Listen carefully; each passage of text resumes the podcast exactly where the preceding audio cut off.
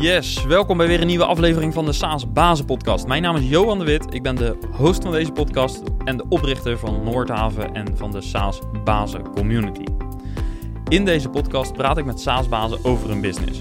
En naast deze podcast is er ook een besloten community voor founders van SaaS bedrijven of mensen met een C-level functie binnen een SaaS bedrijf.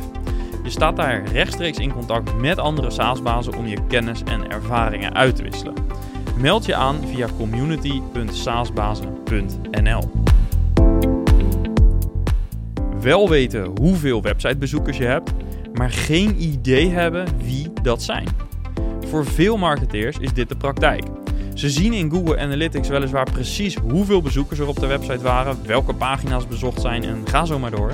Maar sales wil weten welke bedrijven de website hebben bezocht. En dat kan met Lead Info. Lead Info is een SaaS-oplossing waarmee je precies ziet welke bedrijven jouw website hebben bezocht, aangevuld met nuttige informatie over dat bedrijf. Ga naar leadinfo.nl/slash SaaSbazen om te profiteren van een unieke SaaS-bazenactie. Vandaag praat ik met de SaaS-baas achter Clevergig, Michel Pilet. Ik volg Michel al een tijdje met veel interesse. De tagline in zijn LinkedIn-profiel sprak me aan, viel me op en daar gaan we het vandaag dan ook over hebben. Daarin staat Playing the Long Game. Michel post regelmatig korte berichtjes op LinkedIn over zijn visie op het bouwen van een SaaS-bedrijf. En dat gaat niet alleen over productontwikkeling, maar ook over performance, productiviteit, ochtendroutines, welzijn, familie en eigenlijk alles wat ermee samenhangt in een heel breed kader dus. En dat wekte mijn interesse. En daarom en daarover gingen we in gesprek. Want ja, playing the long game klinkt voor mij erg interessant. In vrijwel alles wat ik doe ben ik zelf ook meer geneigd om naar de lange termijn te kijken. Soms heeft me dat ook overigens best wel wat uitdagingen opgeleverd. En ik heb niet zo heel veel met de quick wins en de mentaliteit om alles altijd meteen te willen hebben. Het bouwen van een business kost simpelweg tijd. Veel tijd. En heel veel aandacht. Niets gaat vanzelf en geduld is misschien wel een van de belangrijkste ingrediënten. En daarom ben ik dus ook erg benieuwd naar zijn verhaal. Maar het maakt me ook nieuwsgierig. Want in SaaS gaat alles heel snel. Dus hoe doe je dat dan? De long game spelen. En hoe zorg je voor de juiste balans? Kortom, genoeg vragen, op naar de antwoorden. En voordat we naar dat gesprek gaan, speciaal voor SaaS-bazen die recent zijn gestart met hun business, hebben we een roadmap naar 10k MRR ontwikkeld. Een concreet stappenplan om de basis van je marketing op te zetten. Wil je aan de slag met deze roadmap? Stuur dan een mailtje naar roadmap.noordhaven.nl en ontvang hem gratis in je mailbox. Michel, van harte welkom in de SaaS Bazen podcast. Ja, dankjewel Johan. Leuk, uh, leuk, om, leuk om te zijn. Dank voor de uitnodiging. Ja, um, ik ga je zo vertellen waarom ik je heb uitgenodigd. Uh, maar misschien is het eerst leuk om uh, jezelf even te introduceren. Uh, wie ben je en wat doe je? Ja, tuurlijk. Nou, ik ben Michel, Michel Pilet. 42 jaar, woon in Amsterdam met mijn vrouw en zoontje. Ehm, geboren in Maastricht en ik doe vooral wat ik leuk vind. dat is op dit moment veelal Clever Gig Leiden. Ehm, maar ik zie het niet als werk, maar daar straks meer over wellicht. Ja, ongetwijfeld. Ja. Um, ik uh, gaf al aan, uh, er is een reden dat ik je heb uitgenodigd. Um, Ik kijk altijd uh, naar, ik volg natuurlijk heel veel SaaS-bazen in Nederland, omdat ik dat interessant vind en vanwege de podcast. Uh, maar ik heb jou een tijdje gevolgd, met name op LinkedIn. En uh, wat me erg aansprak was um, uh, allereerst jouw tagline. daar kun je zo denk ik meer over vertellen. Maar ook eigenlijk de, de post, de korte post, vaak 5 tot 10, 12, 15 zinnen misschien. Um, over jouw visie op ondernemerschap. Um, die misschien in sommige opzichten toch wat atypisch is als je kijkt naar de markt. Um, kun je daar eens wat over vertellen? Wat staat er in jouw LinkedIn-tagline en hoe is dat zo tot stand gekomen? Ja, nou, ik heb hem even niet letterlijk voor ogen hoor, maar ik denk de belangrijkste term die daarin staat is uh, playing the long game. Dat is waar ik op doe, klopt. Ja, precies. Ja, nou, er staat nog wat meer in. Maar um, ja, wat, wat dat inhoudt voor mij is uh, dat je ja, elke dag eigenlijk wel kleine stapjes zetten om, om op lange termijn een, een groter resultaat te bereiken. En dat kun je op allerlei vlakken toepassen. Natuurlijk in je werk, maar ook in je gezondheid of in je relaties of financieel. Maar vaak is het makkelijker om zeg maar, voor de snelle, korte winst te gaan. Uh, terwijl je weet dat dat eigenlijk op lange termijn niet per se de beste, het beste resultaat oplevert. Dus uh, ik probeer gewoon vooral dingen te doen waarvan ik weet dat ze op lange termijn renderen. En, en uh, elke dag kleine verbetering is op lange termijn een hele grote verbetering. Dus dat, dat is hem. Ja, nou, die visie sprak mij erg aan. Uh, om meerdere redenen uh, gaan we het straks uh, verderop over hebben. Dus dat was in ieder geval een van de redenen dat ik je graag wilde spreken. En dus blij dat je daar tijd voor wil maken. Ehm, voordat we daar naartoe gaan, vind ik het denk ik ja, vind ik het interessant om even te horen wat jullie product doet. Dus wat is het voor product en wat, welk probleem los je op? Voor wie? Ja, tuurlijk. Nou, CleverGig is sowieso een SaaS-oplossing, anders zaten we hier niet. Um, maar het is een, laten we zeggen, een planning tool voor ja, wat wij zelf noemen on-demand planning. Uh, en, en de klanten die wij helpen, het probleem dat ze hebben is ze hebben een pool van flexibele medewerkers, kandidaten, die ze eigenlijk heel uh, ja, op onvoorspelbare momenten moeten plannen op losse diensten bij verschillende opdrachtgevers en locaties. Een hele mond vol, maar dat is dus niet een bedrijf wat zijn eigen personeel plant op één locatie, bijvoorbeeld een horecazaak of een winkel of een fabriek. Maar meestal een intermediair, dus een uh, uitzendbureau, een bemiddelingsbureau of soms ook kleine lokale online marktplaatsen die niet een eigen software hebben gebouwd. Of een uh, bureau dat uh, bedrijf dat verkeersregelaars levert of trainers. Allemaal mensen die ja, op verschillende plekken werken, daar losse diensten draaien. En, en ehm, dat is een beetje de nieuwe manier van werken, de, de gig economy, vandaar ook de naam Clever Gig ja, dat maken wij met uh, mooie, vooral gebruiksvriendelijke software een stuk uh, eenvoudiger. Ja, en als mensen Clever Gig niet gebruiken, wat gebruiken ze dan om uh, deze processen te organiseren? Ja, ja het meeste wat we zien is onze goede vriend Excel en, en WhatsApp. dus op die manier ja, proberen te achterhalen wat, wat, wie is wanneer beschikbaar, uh, roosters communiceren, uh, details over diensten, uren die gelogd worden met fotootjes van papieren briefjes, nou van alles. Dat is eigenlijk de, ja, de, de ideale doelgroep. Uh, we zien eigenlijk wel nu wat meer volwassen zijn we geworden, wat langer bestaan, dat we ook wat ietsje grotere MKB'ers bedienen die dan wel al vaak een andere oplossing hebben. Maar dat was dan vaak een oplossing die niet specifiek gebouwd was voor wat wij zeggen de driehoek. Hè? Dus dat je te maken hebt met opdrachtgevers, opdrachtnemers en een partij daartussen. Dus dan gebruiken ze eigenlijk een soort tool die voor iets anders is gebouwd, omdat er geen betere oplossing was. Of ze hebben ooit zelf iets gebouwd, dat komen we ook nog wel tegen. Uh, tien jaar geleden was er natuurlijk niet uh, allemaal mooie off-the-shelf uh, oplossingen. Um, dus dat, dat, ja, dat, dat komen we ook vaak tegen. Maar het meeste is Excel en WhatsApp. Dus dat hebben we ook prominent op de homepage staan als je daar voor het eerst komt. Ja, dan, dat horen we heel vaak terug van zo'n koper of een planner. Van ja, dit, dit ben ik. Ik herken mij in dit verhaal. Ik herken dat probleem. Ja, en dat is dus de persoon of de afdeling die uh, deze diensten en mensen plant, die de software mhm. gebruikt. Maar ja. uh, er zal ook een component zijn um, voor de, uiteindelijk voor de, degene die ingehuurd gaat worden. Ja. Is dat een app of iets dergelijks? Hoe moet dat zien? Ja, zeker. Ja, sterker nog, het zijn in principe drie partijen die uh, in onze software zitten. Dus je hebt de planner inderdaad. Uh, die werkt primair vanuit een, een, webomgeving. Die logt gewoon in. Daar hebben we ook een app voor. Uh, de medewerker in het veld die de diensten draait, die doet eigenlijk alles via de CleverGig app. Die accepteert diensten, krijgt alle details door, die logt zijn uren, et cetera. En de opdrachtgever, die dus uiteindelijk de diensten aanvraagt en die ook wil weten van hey, wie komt er wanneer werken, uh, die eventueel uren wil accorderen, die kan ook toegang krijgen tot CleverGig. Dus dat is eigenlijk een, dat is wel het mooie wat we zien. Er ontstaat eigenlijk, nou, dat netwerk bestaat al van die gebruikers, maar we weten dat steeds beter te benutten. Uh, want het leuke aan deze sector is dat ja, best wel veel uh, freelancers werken bijvoorbeeld voor meerdere bureaus. En uh, opdrachtgevers die gebruiken ook vaak meerdere bureaus tegelijkertijd om diensten uit te zetten. En soms helpen bureaus ook nog elkaar om uh, diensten in te vullen. Dus um, ja, dat, dat netwerk is er. En wat we nu zien is dat we bijvoorbeeld steeds meer freelancers hebben die voor verschillende bureaus werken en daar op meerdere bureaus Clevercake gebruiken. Ja. En dat hebben we. Ja? Sorry, ja, ga verder. Nee, ik wil nog één ding zeggen daarover, want dat is wel leuk. We zien nu echt die netwerkeffecten eh, effecten ontstaan. Dat, dat hebben we ook nu technisch mogelijk gemaakt, dat een medewerker kan inloggen. En die ziet daar gelijk alle bureaus waar hij voor werkt en alle diensten kan ontvangen. Dus dat, uh, dat is wel leuk om te zien. Dat het, het virus, CleverGig virus, wordt uh, ook die manier langzaam verspreid. Ja, gaaf. Ja, een netwerkeffect, viraliteit is natuurlijk uh, altijd uh, fijn als je dat component in je product kunt inbouwen. Ja. Um, uh, hoe is het product ontstaan?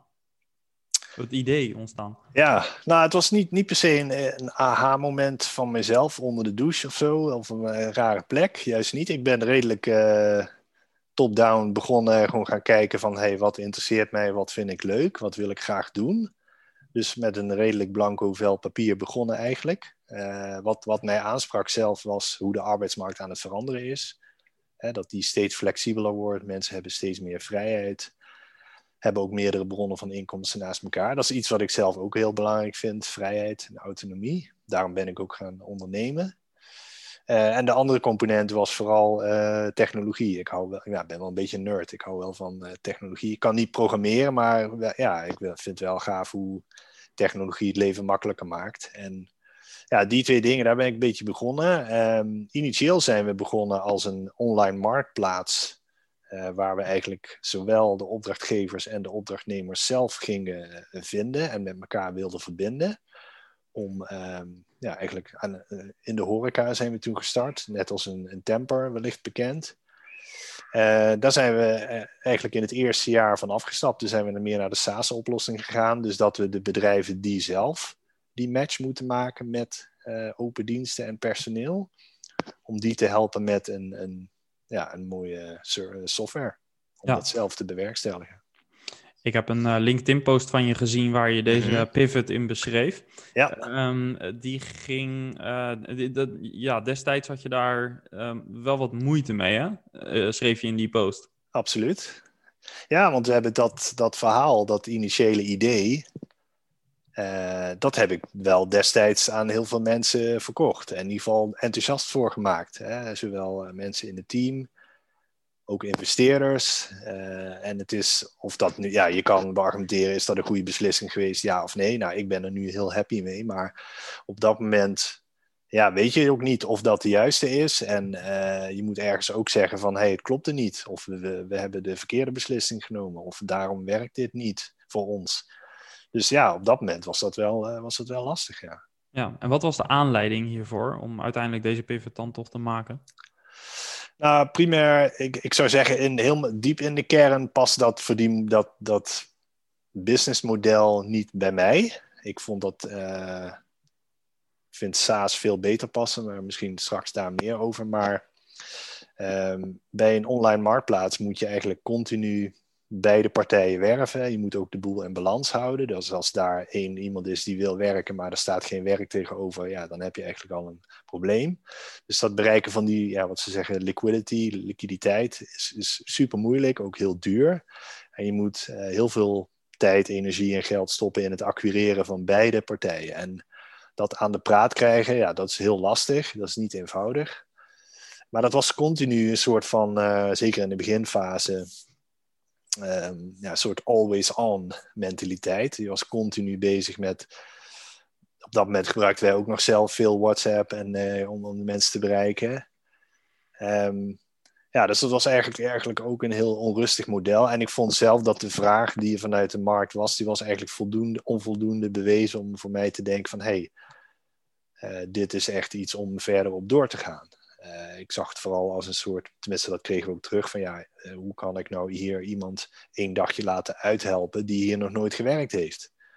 Ja, dat zijn best wel basale problemen. Dus het werd eigenlijk vooral ingezet als het echt niet anders kon. Dus we hadden echt geen andere manieren meer. En ik zie ook dat het nu ja, deels werkt, uh, omdat het, dat er zo'n tekort is. Maar ik vraag me af, als die arbeidsmarkt gewoon weer als dat, dat aanbod er wel is, is dat dan, werkt dat soort modellen dan nog wel. Dus dat, uh, maar primair was het, en dat, ja, toch vooral dat model, die manier van werken, paste niet bij mij.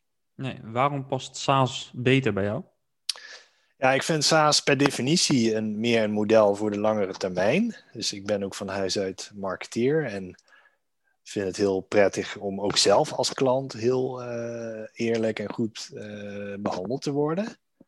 Um, dus ja, bij SaaS koop je niet op één, één keer een product, een doos en dat is het dan. Uh, bij SaaS ja, wordt, moet je eigenlijk continu verkopen tussen aanhalingstekens aan die klant. Want je moet continu je waarde blijven leveren. Want een klant kan gewoon in principe gewoon opzeggen en iets anders gaan doen. Of een andere partij kiezen. Dus dat, dat zit, uh, die, die marketinggedachte, je klant goed bedienen, uh, iets continu waarde leveren, dat zit ingebakken in SaaS. En dat, dat vind ik heel mooi. Want ja, de tijd van uh, iemand voor de gek houden, snel iets verkopen en dan, dan wegwezen, ja, die is echt wel voorbij.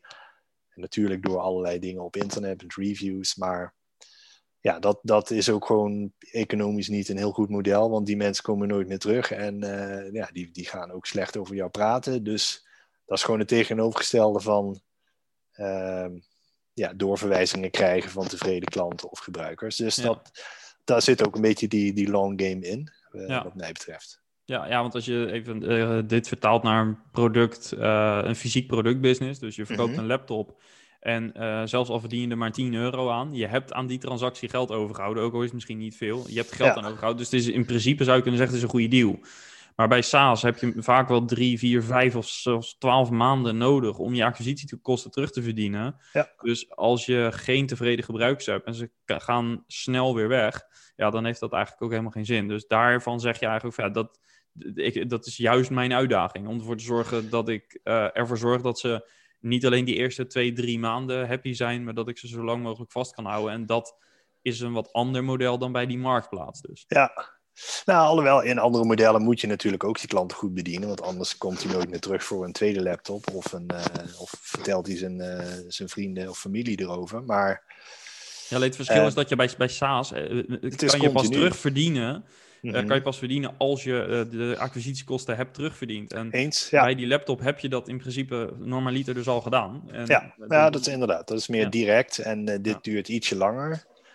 Dus dat, um, ja, dat vind ik mooi. En daarnaast, ja, überhaupt het verdienmodel, abonnementen, is natuurlijk, je kan er een soort van stabiele basis mee opbouwen. En zolang je je klanten behoudt, is elke nieuwe omzet is extra omzet. En dus het hele model van MRR, dat, dat is ook gewoon economisch heel stabiel en prettig. Dus dat, dat is een, ook een mooie plus.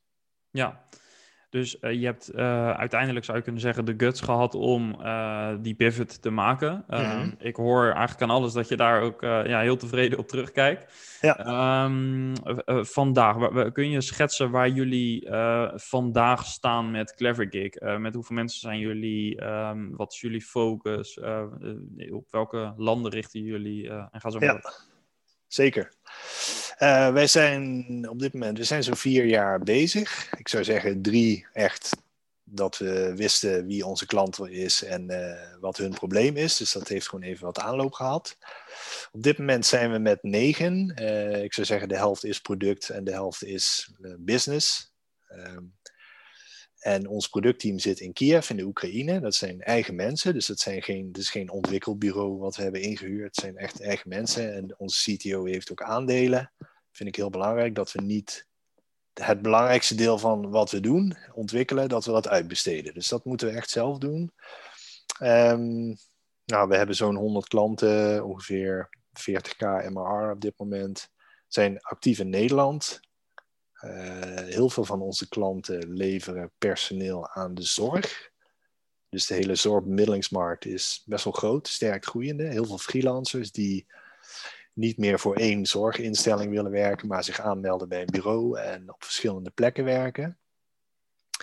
Um, dus ja, dat, dat is uh, wat we doen. Dus we zijn niet internationaal actief, hebben ook bedacht recentelijk dat we dat voorlopig ook niet gaan doen.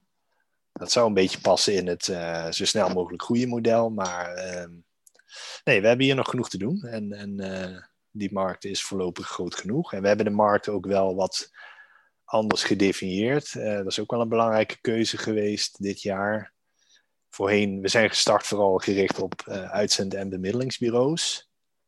Het was eerst een planning tool voor uitzend- en bemiddelingsbureaus, maar we hebben eigenlijk gemerkt dat die markt, als je gewoon kijkt naar, als je de markt definieert op een bepaalde behoefte en niet op een industrie, dat die, dat probleem van hey, ik heb mensen die ik op verschillende plekken moet plaatsen, dat dat breder is dan alleen uitzend- en bemiddelingsbureaus. Dus dat zijn bijvoorbeeld ook die marktplaatsen, dat zijn trainingsbureaus, uh, dat zijn bijvoorbeeld ook interne flexbureaus van bijvoorbeeld een ziekenhuis of een grote hotelketen.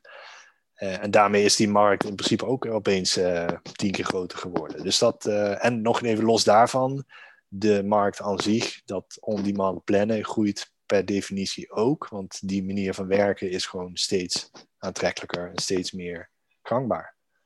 Ja, heeft corona daar ook nog een bijdrage aan geleverd?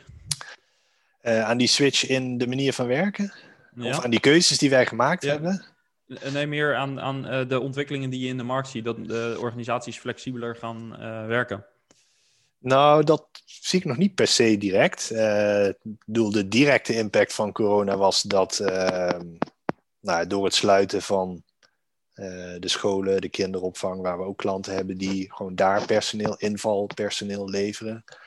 Uh, het sluiten van uh, de verpleeghuizen, of in ieder geval vooral veel minder met extern personeel werken, is dat, dat er gewoon veel minder gebruik werd gemaakt van ons product. Dat was het directe effect. niet per se dat iedereen wegliep, maar er werden gewoon minder diensten uitgevraagd. Ik denk wel dat heel veel ehm, interne flexbureaus van zorginstellingen, die nu heel zwaar leunen op die bemiddelingsbureaus, ja, dat die zich nu wel realiseren van, ik zag het laatst nog op de NOS, van ja, als wij de dingen efficiënter organiseren, als wij bijvoorbeeld meer uh, van onze vaste mensen op verschillende plaatsen, locaties laten werken, hè, misschien die mensen ook meer vrijheid geven, uh, dat ze daarmee uh, vraag en aanbod ja, de, de gaten efficiënter kunnen opvullen.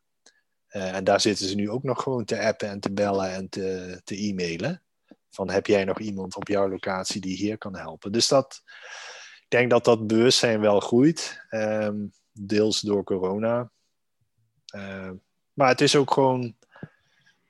Ja, ik denk dat mensen ook bedrijven steeds meer realiseren van hey, technologie kan ook gewoon helpen. Het is niet per se een bedreiging. Van oh, er komt een stukje software, dus ik heb, uh, ik heb geen planner, ben mijn baan kwijt als planner. Nee, juist niet. Ik denk wat wij zien, en dat is het leuke, dat als je mij twee jaar geleden zou vragen, wat, wat is het voordeel van CleverGig? Hoe, hoe verkopen we dat? Nou, dan zou ik zeggen, eh, nou, je hebt meer overzicht als klant. Uh, je kan uh, snel een dienst vullen. Nou, dat is allemaal zo. Maar wat we zien is dat klanten juist door CleverGig te gaan gebruiken, zeker die mensen die eerst met Excel en WhatsApp werkten, is dat ze gewoon gemiddeld twee keer zoveel diensten vullen in het eerste jaar dan voordat ze met CleverGig werken. Dus ze groeien, eigenlijk verkopen wij groei. Hm. Uh, dat komt omdat ze sneller reageren op diensten. Dan krijgen ze weer meer aanvragen. Die medewerkers vinden het prettig om op die manier te werken. Niet meer die appjes te krijgen. Dus er komen ook weer meer medewerkers erbij. En ja, het is een soort vliegwiel-effect. Dus dat, dat is nu de pitch. inzichten opgedaan? Is dat echt gewoon uh, praktijk of uh, hebben jullie daar uh, onderzoek naar gedaan onder bestaande klanten? Hoe heeft dat eruit gezien? Nou, dat is vooral door gewoon door veel in contact te staan met, met de klanten. en het team is ook een dermate klein dat, dat we dat nog gewoon allemaal zelf doen. dus ik doe zelf ook nog steeds op dit moment sales. En niet alle sales, maar een deel van de sales en customer success. Dus ja, gewoon heel veel met klanten in gesprek zijn en feedback krijgen en daar ook voor openstaan vooral. Dat is ook een van onze kernwaardes. De klant centraal stellen of zoals Amazon zegt, customer obsession.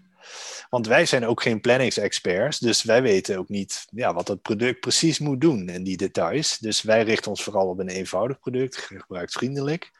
Maar de input, hoe maken we het beter, leunen we vooral op klanten. Uh, en wat, ja, die, die effecten van bijvoorbeeld die verdubbeling in volume van diensten, ja, dat, dat hebben we uiteindelijk door een beetje in de database te kijken van, hey, wat, wat gebeurt hier nou? En dat kregen we wel ook terug. Van, uh, en we zagen natuurlijk dat, even een SaaS-term, expansion revenue ook toenam. Hè? Als iemand startte, die startte vaak in de laagste, laagste abonnement en na uh, drie kwart jaar betaalden ze gewoon drie keer zoveel. Dus dat, ja, dat was positief voor beide partijen eigenlijk, want zij hadden per definitie, daar stond veel meer omzet tegenover. Dus uh, ja, dan, dan als je dat merkt, dan kun je dat ook steeds meer gaan gebruiken, ook in testimonials en klantvideo's en reviews. Dus dan op een gegeven moment gaan de deuren dan ook wat makkelijker open. Ja. Maar goed, dat kost wel even tijd. Ja, uh, logisch ook. Maar dat is dus ook weer onderdeel eigenlijk van uh, uh, ja, playing the long game. En zorgen dat je die inzichten heel dicht op je klant zit, de inzichten ook daaruit haalt en daar het product beter op afstemt. Ja. ja, ik denk het wel. Kijk, nu zijn we een beetje met die switch bezig, of die verbreding van die markt. Dat is wel een goed voorbeeld van bijvoorbeeld met zo'n intern flexbureau. Nou, daar hebben we een paar klanten nu van. Die zijn eigenlijk een beetje toevallig erbij gekomen. Maar willen we dat segment echt gaan benaderen? Ja, ik zie dat eigenlijk weer als een soort van nieuwe uh, product market fit die we daar moeten vinden. Hè? Dus dat we niet daar nu vol uh, inzetten met een hoop geld uh, in acquisitie, mensen aannemen. We moeten dat eerst even goed begrijpen van Ehm, is dat nou echt precies hetzelfde of werkt daar net even anders? Is het product daar ook goed genoeg voor? Of ja, is dat weer anders? Dus ja, dat, dat zijn allemaal. Misschien in een ander bedrijf zouden ze daar uh, inderdaad een miljoen euro tegenaan smijten en uh, we gaan. Of naar het buitenland, hetzelfde. Nou, we doen gewoon hetzelfde als hier. En ja, dat kan soms werken, maar wij doen dat anders. Ja, de term is een paar keer gevallen. Ehm, eh, de playing the long game. Er kwam al naar voren 1% beter elke dag of net elke dag iets beter. Mhm, ehm, eigenlijk dat soort concepten. Ehm, hoe is dat ontstaan bij jou? Ja, goede vraag. Dat is de, de kern van de vraag. Hè? Belangrijke vraag. Ja, ik denk uh, in het algemeen gewoon door, uh, als je wat ouder wordt, ga je ook wat anders nadenken, anders naar het leven kijken. Dan wordt je ego ook wat minder groot en belangrijk. En als je eigenlijk merkt van, hé, hey, ik kom dichter bij de dood. Het is nog ver weg, ik ben 42, maar dan ga je wel steeds meer realiseren hoe lang je nog hebt. En ik weet even niet de exacte quote van, van, maar, van Confucius, maar die zegt, je hebt eigenlijk twee levens. En het moment dat je merkt uh, dat je er eigenlijk maar één, hebt, is dat je dat, dat inziet. Dan begint, dan ja, dan, je tweede leven. Dan begin je tweede leven. Dus nou, dat zou ik zeggen in het algemeen leeftijd. Um, ja, daarnaast ook wel, we hebben ook geroken aan dat VC-model en ook met VC's gesproken.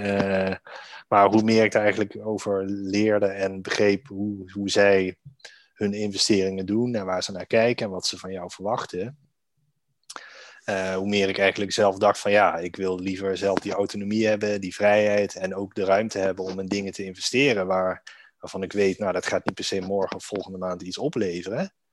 Uh, bijvoorbeeld dat netwerkeffect dat we nu, die we nu steeds meer zien. Ja, die, dat, sommige dingen kosten gewoon tijd. Dus dat, dat, dat denk ik was ook een hele belangrijke. Ja, voor de rest gewoon wat, wat dingen die, uh, boeken die ik lees en, en podcasts die ik luister. Uh, dus dat, dat, ja, dat is een beetje een mix van. Het is moeilijk om één ding aan te wijzen wat echt het moment was. Maar um, ja, laten we zeggen, ook daar een soort van opeenstapeling van, van kleine dingen. Uh, ja, uh, wat, wat zou er tien jaar geleden in je LinkedIn tagline hebben gestaan? Oeh, dat is een goede vraag. Ja. Tien jaar geleden, nou toen was ik nog geen ondernemer. Dus toen, maar ik zou zeggen dat ik, uh, nou, ja, was ik wel een ander persoon. Ja. Was ik meer bezig met wat andere mensen van mij vinden? Was ik meer bezig met materiële dingen, met carrière? Werkte ik nog bij een grote corporate? Vond ik dat uh, heel belangrijk, hoeveel geld ik verdiende en wat ik daarmee kon doen. En ja, of ik daar andere mensen kon, mee indruk op kon maken. dus ik weet niet wat daar een goede tagline bij zou zijn. Maar ik las laatst iets op LinkedIn, iemand, op LinkedIn, iemand zei ja, als iemand een werkwoord voor zijn, een, als begin van zijn tagline heeft, van, uh, van iets van creating of hiring of growing, en dan was dat niet goed. Dat vond ik wel tekenend, maar vond ik wel grappig. dat maar, zit ik volgens mij niet goed. Ja? nee? nee, volgens mij ja. nee, dus um, ja, weet ik niet wat daar zou staan. Maar in ieder geval, ik had wel een ander beeld van, uh, van mezelf en wat ik belangrijk vond. Dus dat, uh, dat is wel veranderd, ja, absoluut. Ja. Ehm, Want dat hele ondernemen, sorry dat ik je onderbreek. Het ondernemen en, en dingen tegen een muur lopen en, en ergens vastlopen. Dat, ja, dat is ook wel gewoon ontwapenend. Dat helpt je ook. En uh, dan moet je het zelf doen. Dus je kan uiteindelijk kijk je gewoon in de spiegel van ja, wat gaan we eraan doen? Je kunt niemand anders de schuld geven. Nee. En nu gaf je aan, um, ook uh, de mening van anderen vond ik belangrijk. Uh, je werkte bij een grote corporate. Heb je iets gemerkt aan je omgeving uh, dat jij deze transitie op persoonlijk vlak doormaakte? Zijn er dingen veranderd? Is de dynamiek met vriendschappen veranderd? collega's, oud-collega's, relaties wellicht? Nou, ik denk dat de meeste mensen die. Nou, de verandering is ook wel geleidelijk geweest. Dus eh, ik heb niet per se. Nou, ik heb misschien ook wel wat afscheid genomen van mensen waar ik niet per se heel veel aan had. Of in die zin uh, die een hoop drama uh, opleverden. Dus dat ik ook voor gezegd van, nou, daar, daar ga ik geen energie mee in stoppen. Um, maar in het algemeen, de mensen die me dierbaar zijn, die, die waren dat toen ook al. En, en de, de relatie daar is absoluut heel goed. En die, die zien absoluut die verandering en die herkennen dat ook. Ja, als je het hebt over de, de switch van hey, ik ga weg uit het corporate leven en ik ga voor mezelf beginnen met alle risico's uh, van dien. Ja, dan herken ik heel veel mensen die dat heel tof vinden dat ik dat gedaan heb. En eigenlijk zelf denk van hé, hey, dat wil ik ook, maar ik durf niet. Uh, ja. Nou, dat is ook waar ik op doe. Want misschien uh, stelde ik mijn vraag uh, misschien een beetje sturend in de zin van... ben je mensen kwijtgeraakt onderweg of dat soort dingen? Ik bedoel juist ook andersom. Dat je ziet dat mensen uiteindelijk in jouw omgeving... die zien jou veranderen. En het klinkt voor mij als een hele positieve verandering. Hè? Dus uh, of herkennen eigenlijk wat de waarde van het leven is. wat de, de waarde van tijd is en dergelijke. Um, en ik denk dat dat juist ook um, voor je directe omgeving, uh, kan ik me voorstellen dat dat uh, echt een verademing is om, ja. om dat om je heen te hebben. Bedoel, dat is wel ook wat je op LinkedIn uitstraalt. Ja, nou, ik heb ook steeds meer mensen die naar me toe komen en daarover willen babbelen of uh, mij om advies vragen die, ja, nog, die beginnend zijn of soort van een entrepreneur die erover nadenken, maar, maar niet van de grond komen of niet durven. Dus dat, um, nou, geeft wel aan dat ik denk dat heel veel mensen graag die, die vrijheid uh, uit, uit die, dat ze dat willen hebben en dat ook gewoon kunnen. Maar ze vinden het moeilijk om ergens te beginnen en die eerste stap te zetten. En ze zien het vaak als, ja, maar dan moet ik in één keer alles gaan opgeven. Ja, of anders gaan doen. Maar dat hoeft helemaal niet. Je kan ook gewoon in het begin klein beginnen en dingen ernaast doen. En uh, ja, als je het ziet als, oké, hoe kom ik van hier naar waar jij nu bent of wat jij doet, ja, dat is natuurlijk dat, dat is best wel een grote stap. Dat zou ik ook heel eng vinden. Maar, maar, wat, maar als zou iemand het je vragen, wat is dan je mhm. antwoord? Uh, je antwoord is sowieso, doe het in kleine stapjes, begrijp ik. Um, wat zijn dan dingen waar je kunt beginnen? Nou, voor mij is het belangrijkste dat je bedenkt, uh, wat vind ik leuk om te doen? Waar krijg je energie van? En dus niet wat andere mensen denken dat jij zou moeten doen of waar je het meeste geld mee verdient. Maar gewoon uh, wat, wat vind jij leuk om te doen? Waar ben je goed in? Dat, en dat hoeft niet per se een, een vak te zijn of uh, een bepaald soort baan, maar ook bepaalde vaardigheden, dingen die jij hebt, uh, dingen die je goed kunt. En als je daar begint, volgens mij is dat al de belangrijkste stap. Dan ga je al energie van krijgen, dan ga je al plannen maken, ideeën. Uh, en eigenlijk dat verdienmodel, dat komt dan later wel. Als jij gewoon zorgt dat jij in die hele specifieke niche uh, het beste bent uh, van de hele wereld, even heel zwart-wit gezegd, ja, dan komt dat wel goed. En, maar dan moet je wel tijd in stoppen, dan moet je wel energie in stoppen en, en ook dingen durven. En maar ik zou daar beginnen. En, en veel mensen weten dat niet eens of nemen daar niet de tijd voor, voor die reflectie. Uh, en denken meer in een soort van eindresultaat van ja, maar ik wil dit hebben of doen. Um, dus dat, dat is, zou mijn eerste advies zijn. Ja. Um, je gaf net aan dat het bij jou echt een proces is geweest. Uh, het begint natuurlijk vaak met uh, awareness, dat je inderdaad herkent van ja, ik doe misschien eigenlijk niet de dingen die ik leuk vind of die ik uh, misschien wel zou moeten doen. Ja. Um, dus misschien niet echt één bepaald moment. maar zou je ons kunnen meenemen in hoe jouw dagen, hoe jouw weken er nu uitzien en wat daarin dan um, echt heel concreet belangrijke momenten zijn om ervoor te zorgen dat je rustig gefocust bent? de dingen geniet van het proces. eigenlijk al die dingen die daarbij horen die je omschrijft. Ja. Nou, mijn, mijn primaire drijfveer is, is vrijheid slash autonomie. Ik, ik, dus ik moet sowieso voor mezelf werken en niet nog een baas boven me hebben. Dat, daar ben ik inmiddels wel achter. Ik vind het ook heel prettig om zelf mijn dag te kunnen indelen, om zelf te bepalen wanneer ik werk. Um, en eigenlijk die manier van werken, die vrijheid, hebben we ook zoveel mogelijk ingebakken nu in CleverGig. Dus uh, we hebben ook niet per se ja, dat een helpdesk via de telefoon waar we continu gebeld worden. Wij zorgen dat het product eenvoudig is, waardoor mensen het zelf kunnen oplossen. En als ze ons willen benaderen, dan kan dat, maar dan reageren we ja, asynchroon. Niet per se op dat moment komen we dan samen, maar dan gaan we ze ook helpen. Maar dat kan ook een half uur later zijn met een e-mail of een filmpje. Maar dat is een beetje hoe we werken, ook binnen het team. En voor mezelf ja, inmiddels uh, met corona is het allemaal weer ietsje anders, misschien nog wat extremer. Maar we zitten nu, uh, werken nu veel uh, vanuit huis, op afstand. Nou, ik vind het bijvoorbeeld zelf heel fijn om vroeg te beginnen. En dan kan ik in de ochtend, als de rest nog slaapt, kan ik heel productief bepaalde werkzaamheden doen. En dan ga ik bijvoorbeeld tussendoor om 11 uur sporten. En dan heb ik gewoon op zich een normale werkdag qua uren. Maar ja, het gaat, gaat me niet per se om de uren. Maar dus die, die vrijheid om zelf ehm, te bepalen wanneer ik werk, ja, dat vind ik heel prettig. Maar in het algemeen begin ik vroeg. Uh, ik heb themadagen in de week. Dat heb ik een beetje van die uh, Jack Dorsey overgenomen van Twitter. Die heeft gewoon, maar die, die runt dan twee bedrijven. Die heeft ook naar Square, dus die heeft het best druk, die man. Maar um, die heeft dan een, ja, een soort maandag is voor mij meer een soort financiële managementdag. Uh, dinsdag is customer success. Uh, woensdag en donderdag is uh, sales en vrijdag is iets meer creatief free format.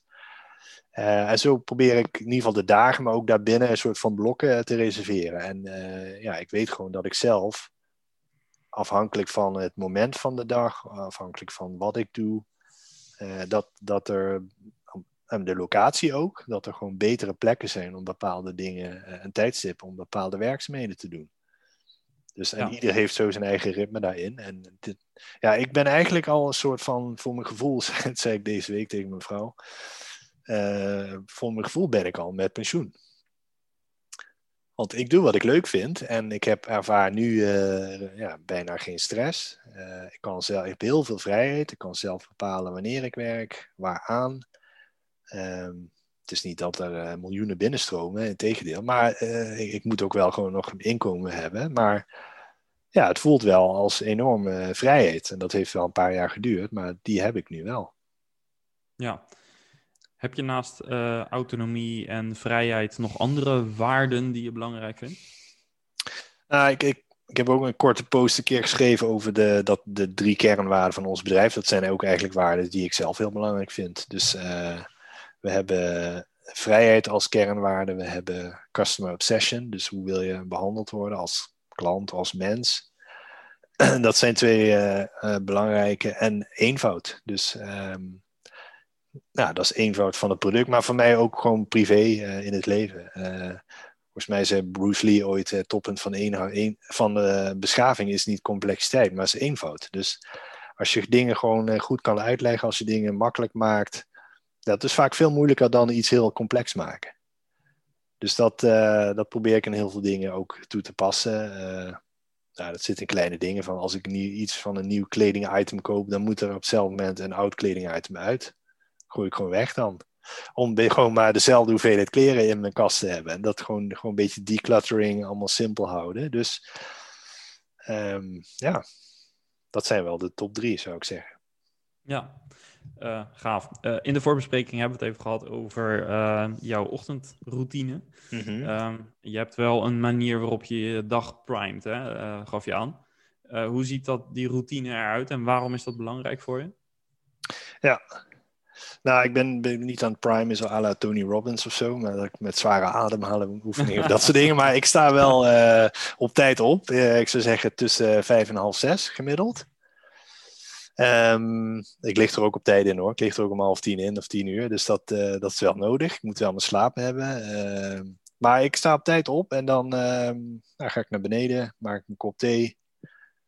Eh, en dan ga ik boven, heb ik nu kantoor op, op de tweede verdieping. Ja, dan ga ik uh, relatief snel wel uh, aan met werk bezig. Dus ik niet per se dat ik mediteer of een hoop lees. Maar ja, dat zijn dan wel wat meer dingen, taken die.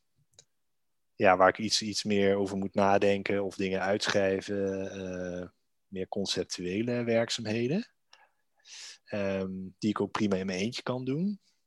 Ja, dan kan ik een beetje mijn dag voorbereiden van wat wil ik vandaag doen. En nou heb ik ook weer een beetje in Asana mijn manier voor met elke dag bepaalde dingen.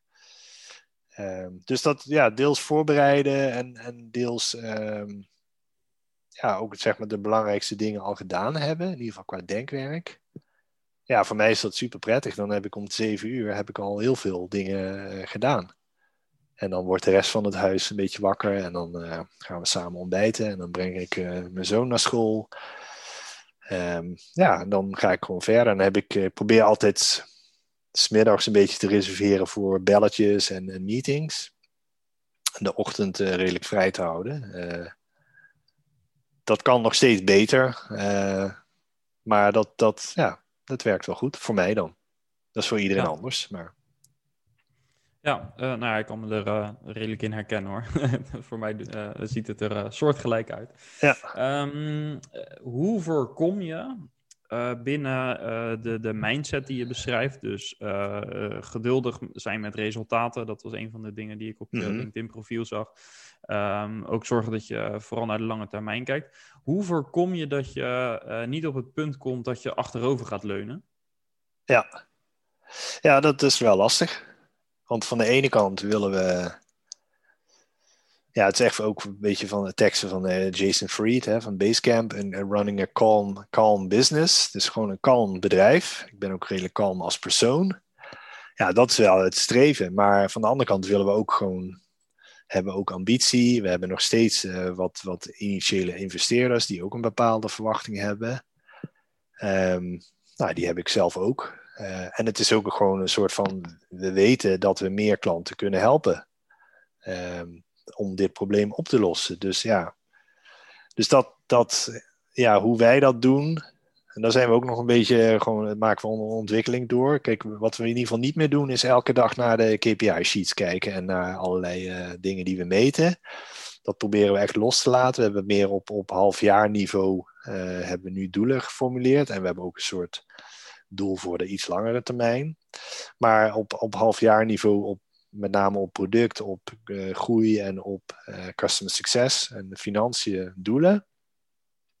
Ja, en zolang wij maar dan de rest van de tijd bezig zijn met uh, dingen die helpen om ja, de drivers van die doelen, hè, als we daarop focussen, dan moet de rest eigenlijk wel goed komen.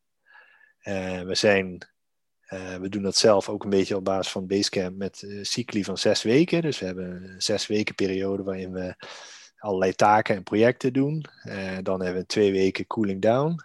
dan kijken we een beetje terug, doen we wat dingen onderzoeken voor misschien een volgende batch van zes weken. Dus daar zit eigenlijk ook al een stukje kalmte in, maar ook, het is ook kort genoeg om een soort van focus te hebben. Um, maar ja, we, hoe, we dat doen is we proberen wel te kijken van hey, wat is er mogelijk en hoe kunnen we toch die, die groei realiseren. Ook met uh, ergens de beperking die we hebben. Want we hebben ook besloten we gaan geen extern kapitaal uh, voorlopig ophalen. Dus we doen het met eigen cashflow.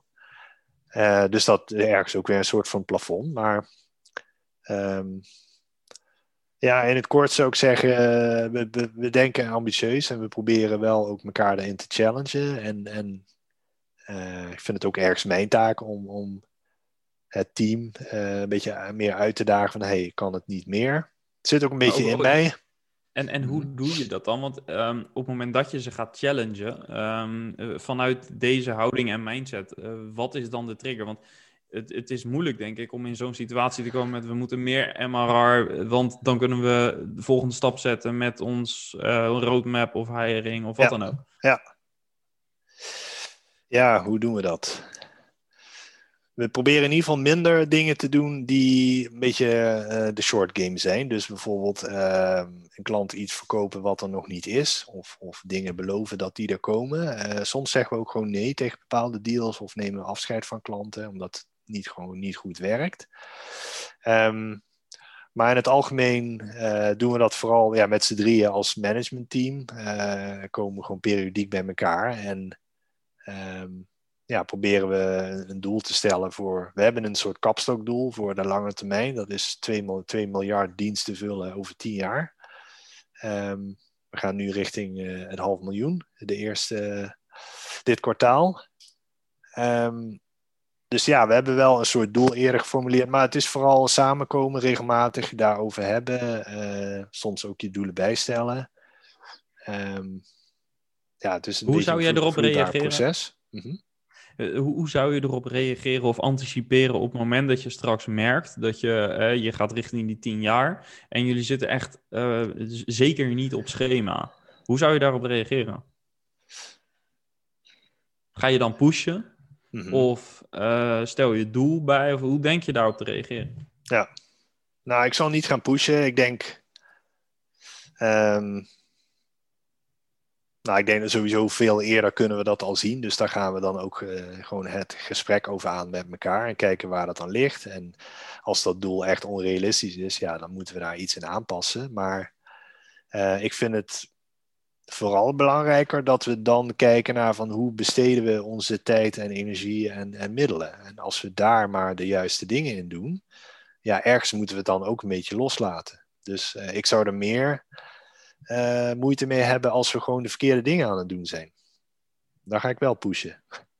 Ja, maar, dus minder op het resultaat, jullie bottomline resultaat, maar meer op de impact die je maakt bij klanten dus. Ja, de keuzes die we doen, maken, welke dingen we wel en niet doen, dat, dat hebben wij in de hand. Uh, en, en, voor de rest moeten we toch geduldig zijn met het resultaat. Dus dat is ook nu, ja, heel moeilijk te zeggen of die, die doelstelling over een jaar, of dat realistisch is. Ja, wie weet zal het zeggen. Het kan ook enorm meevallen.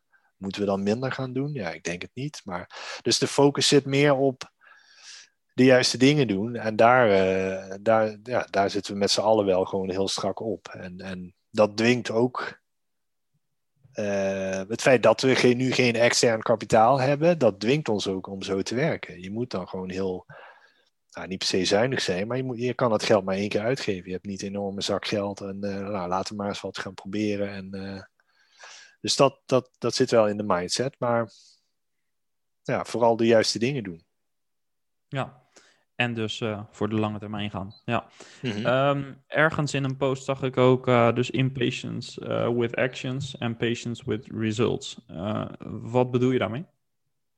Nou, waar we het net vooral over hebben. Dus kijk, als je gewoon de juiste dingen doet. Um, ja, je weet dat dat de juiste dingen zijn. Dat duurt natuurlijk even voordat je dat doorhebt. Maar we hebben er nu wel een goed beeld bij. In ieder geval bij de, de kernmarkt die we bedienen. Um, ja, dan is het gewoon eigenlijk een kwestie van afwachten tot, tot, tot de resultaten komen. Dus we weten ook nu al dat we heel veel dingen aan het doen zijn, vooral in dat netwerk uh, wat opgebouwd wordt, dat dat uiteindelijk nog veel meer gaat opleveren. Dat de, een groot deel van de leads komen al gewoon via doorverwijzingen. Dus dat zijn, um, ja, dat, dat is ergens nu moeilijk te meten, of kan ik niet nu verwachten van hé, hey, daar komt nu een resultaat uit als we dit of dit bouwen of doen. Maar we weten wel, al die dingen die we doen, waardoor meer mensen, meer gebruikers met elkaar over Cleverkick gaan praten, ja, dat kan, kan, niet, kan alleen maar goed zijn. Dus dat, dat resultaat komt wel. Dus dat, daar, dat bedoel ik met dat geduld. Ik heb het niet zelf verzonnen, de tekst, maar geleend. Maar dat, ja, ja dat is het waar we het net over hebben. Ja. Ja, maar er zit ook een stukje in, dus ongeduldig zijn met acties. Ja, uh, dus, ja dat eerste deel. Ja. ja. nou, ik denk dat uh, kijk, we, we, willen niet stilzitten. We moeten wel, uh, en dat zit ook, je mag ook, moet ook gewoon veel dingen doen en proberen. En uh, dat is dan meer als je nog niet weet wat goed werkt. Maar um, ja, we moeten wel proactief zijn en, en dingen durven en dingen doen. Um, dus dat, en dan liever veel kleinere dingen of veel beslissingen op één dag dan nooit een beslissing nemen. En dan hè, bij die vele beslissingen dat er een paar verkeerde tussen zitten, ja prima. Nee, we moeten wel de, de proactieve houding, uh, dat, dat hoort er wel bij. Dat zit daarin, ja. ja. Um, wie of wat is jouw belangrijkste leermeester in dit hele proces en traject geweest? Uh, nou, dan moet ik zeggen Naval Ravikant. Ik weet niet of je hem kent van AngelList, ja. oprichter, ja. maar hij doet meer dingen. Uh, ja, die man is voor mij echt briljant. Ik heb hem voor het eerst gehoord via een podcast met Tim Ferriss. Dat was ooit de populairste aflevering ooit. Uh, totdat Jamie Foxx voorbij kwam op uh, Tim Ferriss.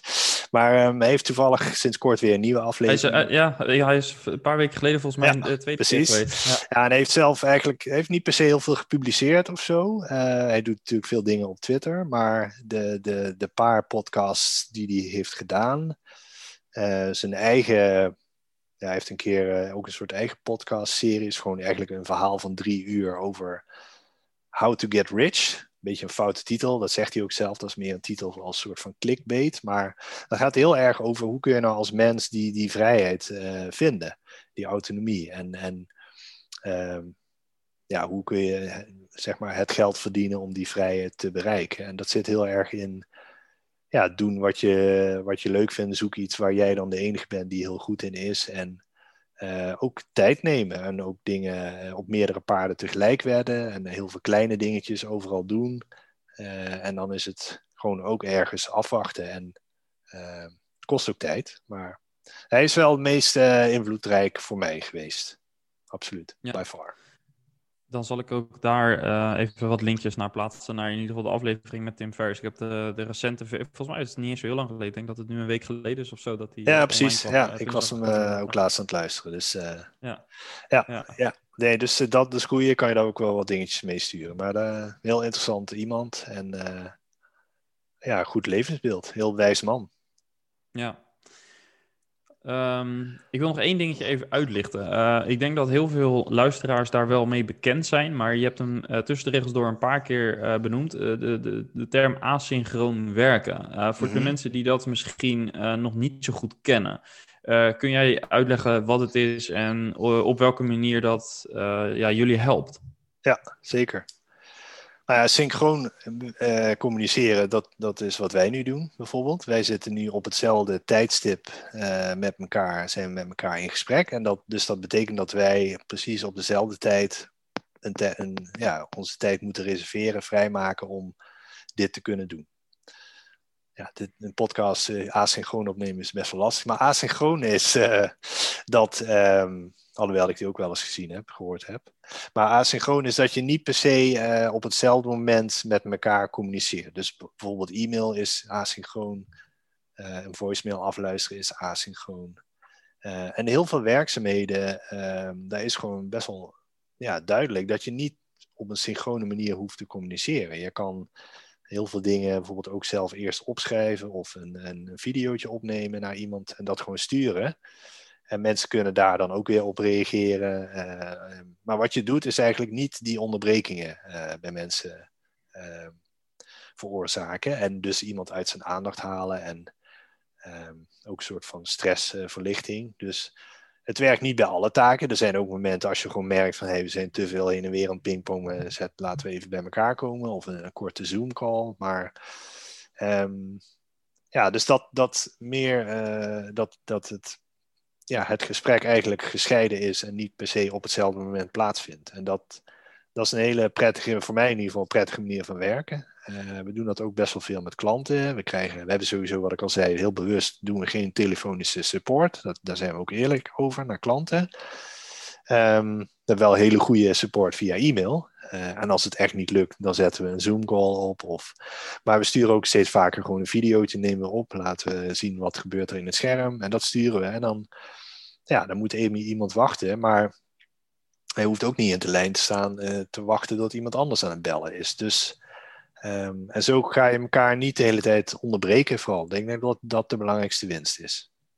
Ja, en het betekent dus ook dat je soms wat beter moet nadenken over hoe je iets formuleert voor een collega. En uh, dat je het ook soms in de juiste context kunt plaatsen. Uh, dat, dat, dat je niet via Slack een bericht stuurt over een bepaalde taak die je aan het doen bent. Als die taak ook al ergens in een projectmanagement tool zoals Asana bijvoorbeeld staat. Ja, Communiceer klopt. dan liever Ja, daar moet je dan ook goede afspraken over maken. Welke kanalen of tools gebruiken we waarvoor? En nogmaals, het, je moet het niet overal voor gebruiken, want soms is het gewoon beter om iemand face-to-face te zien of zelfs in dezelfde kamer te zitten. maar het hoeft niet per default voor alles. Je ziet nu heel veel bedrijven die nu met corona opeens gaan thuiswerken. En die houden eigenlijk dezelfde manier van werken aan. Die, die hebben nog steeds evenveel meetings, maar dan allemaal online. Ja, moet dat wel. Uh, je, je, kan ook gewoon sowieso met minder meetings, maar ook op, op andere momenten elkaar weten te vinden. Uh, zonder samen in de meeting te zitten. Ja.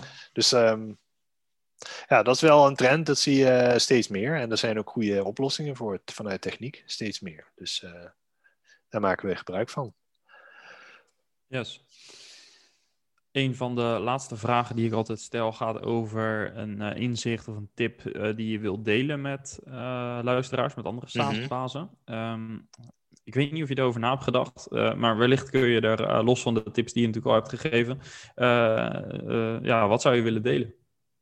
Ja, nou, ik kom toch wel weer terug bij Naval Ravikant. Ik zou gewoon heel erg aanraden om die ofwel de podcast variant te luisteren of um, het verhaal wat hij heeft opgeschreven over How to Get Rich. Nogmaals, de titel is uh, misleidend.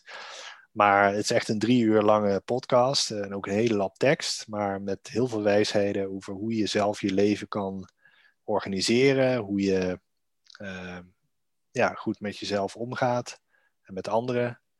Uh, hoe je hè, bijvoorbeeld als je, laten we zeggen, genoeg rijk wilt worden of genoeg geld wil verdienen. Ja, dat zijn gewoon hele logische dingen. Want ja, dan moet je niet in een urenfabriek gaan werken. Dan moet je niet en als advocaat, ook al kun je daar 500 dollar per uur verdienen als advocaat, dan zit je nog steeds helemaal gestrest. Uh, heel veel uh, lange dagen te maken. Um, maar je moet vooral uh, ja, een equities, dus een business, een, owners, een, ownership hebben in bedrijven of zelf een bedrijf starten. Um, ja, er zitten gewoon hele logische dingen in. En, en ja, die, die zou ik sowieso uh, bovenaan zetten. Ja, dan uh, gaan we die opnemen in de show notes, uh, dat mensen het makkelijk kunnen vinden. En mocht je nog inderdaad bepaalde resources hebben die het binnenschieten, stuur ze gerust even door. Ehm, van hem of van uh, andere bronnen, dan uh, zetten we dat erbij en maken we een mooi uh, documentje. En ik zal ook zorgen dat het in onze community terechtkomt. community.saasbazen.nl, dat is de plek waar ja, saasbazen elkaar kunnen spreken en vinden. Dus dan hebben we een mooie resource om daar met iedereen die ook in de community zit te delen. Um, is er nog iets wat je zelf zou willen delen met onze luisteraar waar ik wellicht niet naar gevraagd heb? Nou, we hebben het vooral over de long game gehad. Dat is wel uh, de kern van het verhaal, denk ik. En dat is ook wat mij het meeste bezighoudt. Um, nee, ja, niet, niet per se. We hebben het vooral over het zakelijke aspect daarvan gehad. Maar ik denk dat mensen het heel makkelijk ook op andere dingen kunnen toepassen. Hè. Je kan uh, bijvoorbeeld uh, of, vanavond Netflix gaan kijken of gaan sporten. Ja, dat is ook een soort van long game keuze. Of ga je op tijd naar bed of weer toch weer net even wat te laat. Uh, dat zijn allemaal hele, hele kleine dingen die wel belangrijk zijn. En, en ja, zorg gewoon goed voor jezelf. Uh, doe wat je leuk vindt of probeer dat te achterhalen. En, en ja, durf die stap te maken, uh, al, al is het een kleine. Dus op die manier. Ja. Mooie afsluiter, denk ik. Um, als mensen iets over jou te weten willen komen of ze willen jou, met jou in contact komen, waar en hoe kunnen ze dat het beste doen? Op LinkedIn, sowieso. Ja. Volgens mij eh, LinkedIn slash uh, Michel Pilet, uh, zoiets. Ja, dat en anders makkelijk, makkelijk te vinden. Ja. ja, helemaal goed. ook die link zal ik even in de show notes vermelden. Dan is het één klikje verwijderd van jouw profiel. Um, mooi. Ik wil jou nogmaals hartelijk bedanken voor de inzichten die je hebt gedeeld. En uh, nou ja, uh, ik volg je dus al een tijdje op LinkedIn en dat blijf ik doen. Uh, dus ik blijf ook jouw updates in de gaten houden. Ja. Dankjewel voor ja, de lat, De lat ligt ook, hoor ik, voor de volgende post. Ja, zeker. Weet je. En de en no pressure verder. En er komen waarschijnlijk wat volgers bij. Reken daar maar op. Oké. Nou, hartstikke leuk, Johan. dank voor jouw uitnodiging. Leuk om te doen. Yes, graag gedaan. Dankjewel. Oké. En tot zover dus mijn gesprek met Michel. Ervaar jij het doen van salarisadministratie als gedoe en vind je het net als veel andere SaaS-bazen tijdrovend om je boekhouder te moeten mailen als er nieuwe medewerkers zijn of contractverlengingen en salariswijzigingen? Ontdek dan hoe je je salarisverwerking op een andere manier kan doen. Namelijk met een moderne SaaS-oplossing van Employees. Daarmee heb je zelf de controle over dat proces. En zo aan het eind van het jaar is dit het perfecte moment om over te stappen. Ga snel naar saasbazen.employees.nl om je account aan te maken. En als luisteraar van de Saasbazen podcast krijg je bovendien drie maanden helemaal gratis. Ben je zelf een SaaS-baas en wil je in contact komen met andere SaaS-bazen? Meld je aan voor de community via community.saasbazen.nl. Of ben je net gestart met je business en wil je je roadmap naar 10k MRR ontvangen? Stuur een mailtje naar roadmap.noordhaven.nl. En tot slot, was deze aflevering inspirerend, interessant voor je? Laat dan een review achter of deel hem met een SaaS-baas uit je netwerk. Bedankt weer voor het luisteren. Tot de volgende week. Ciao!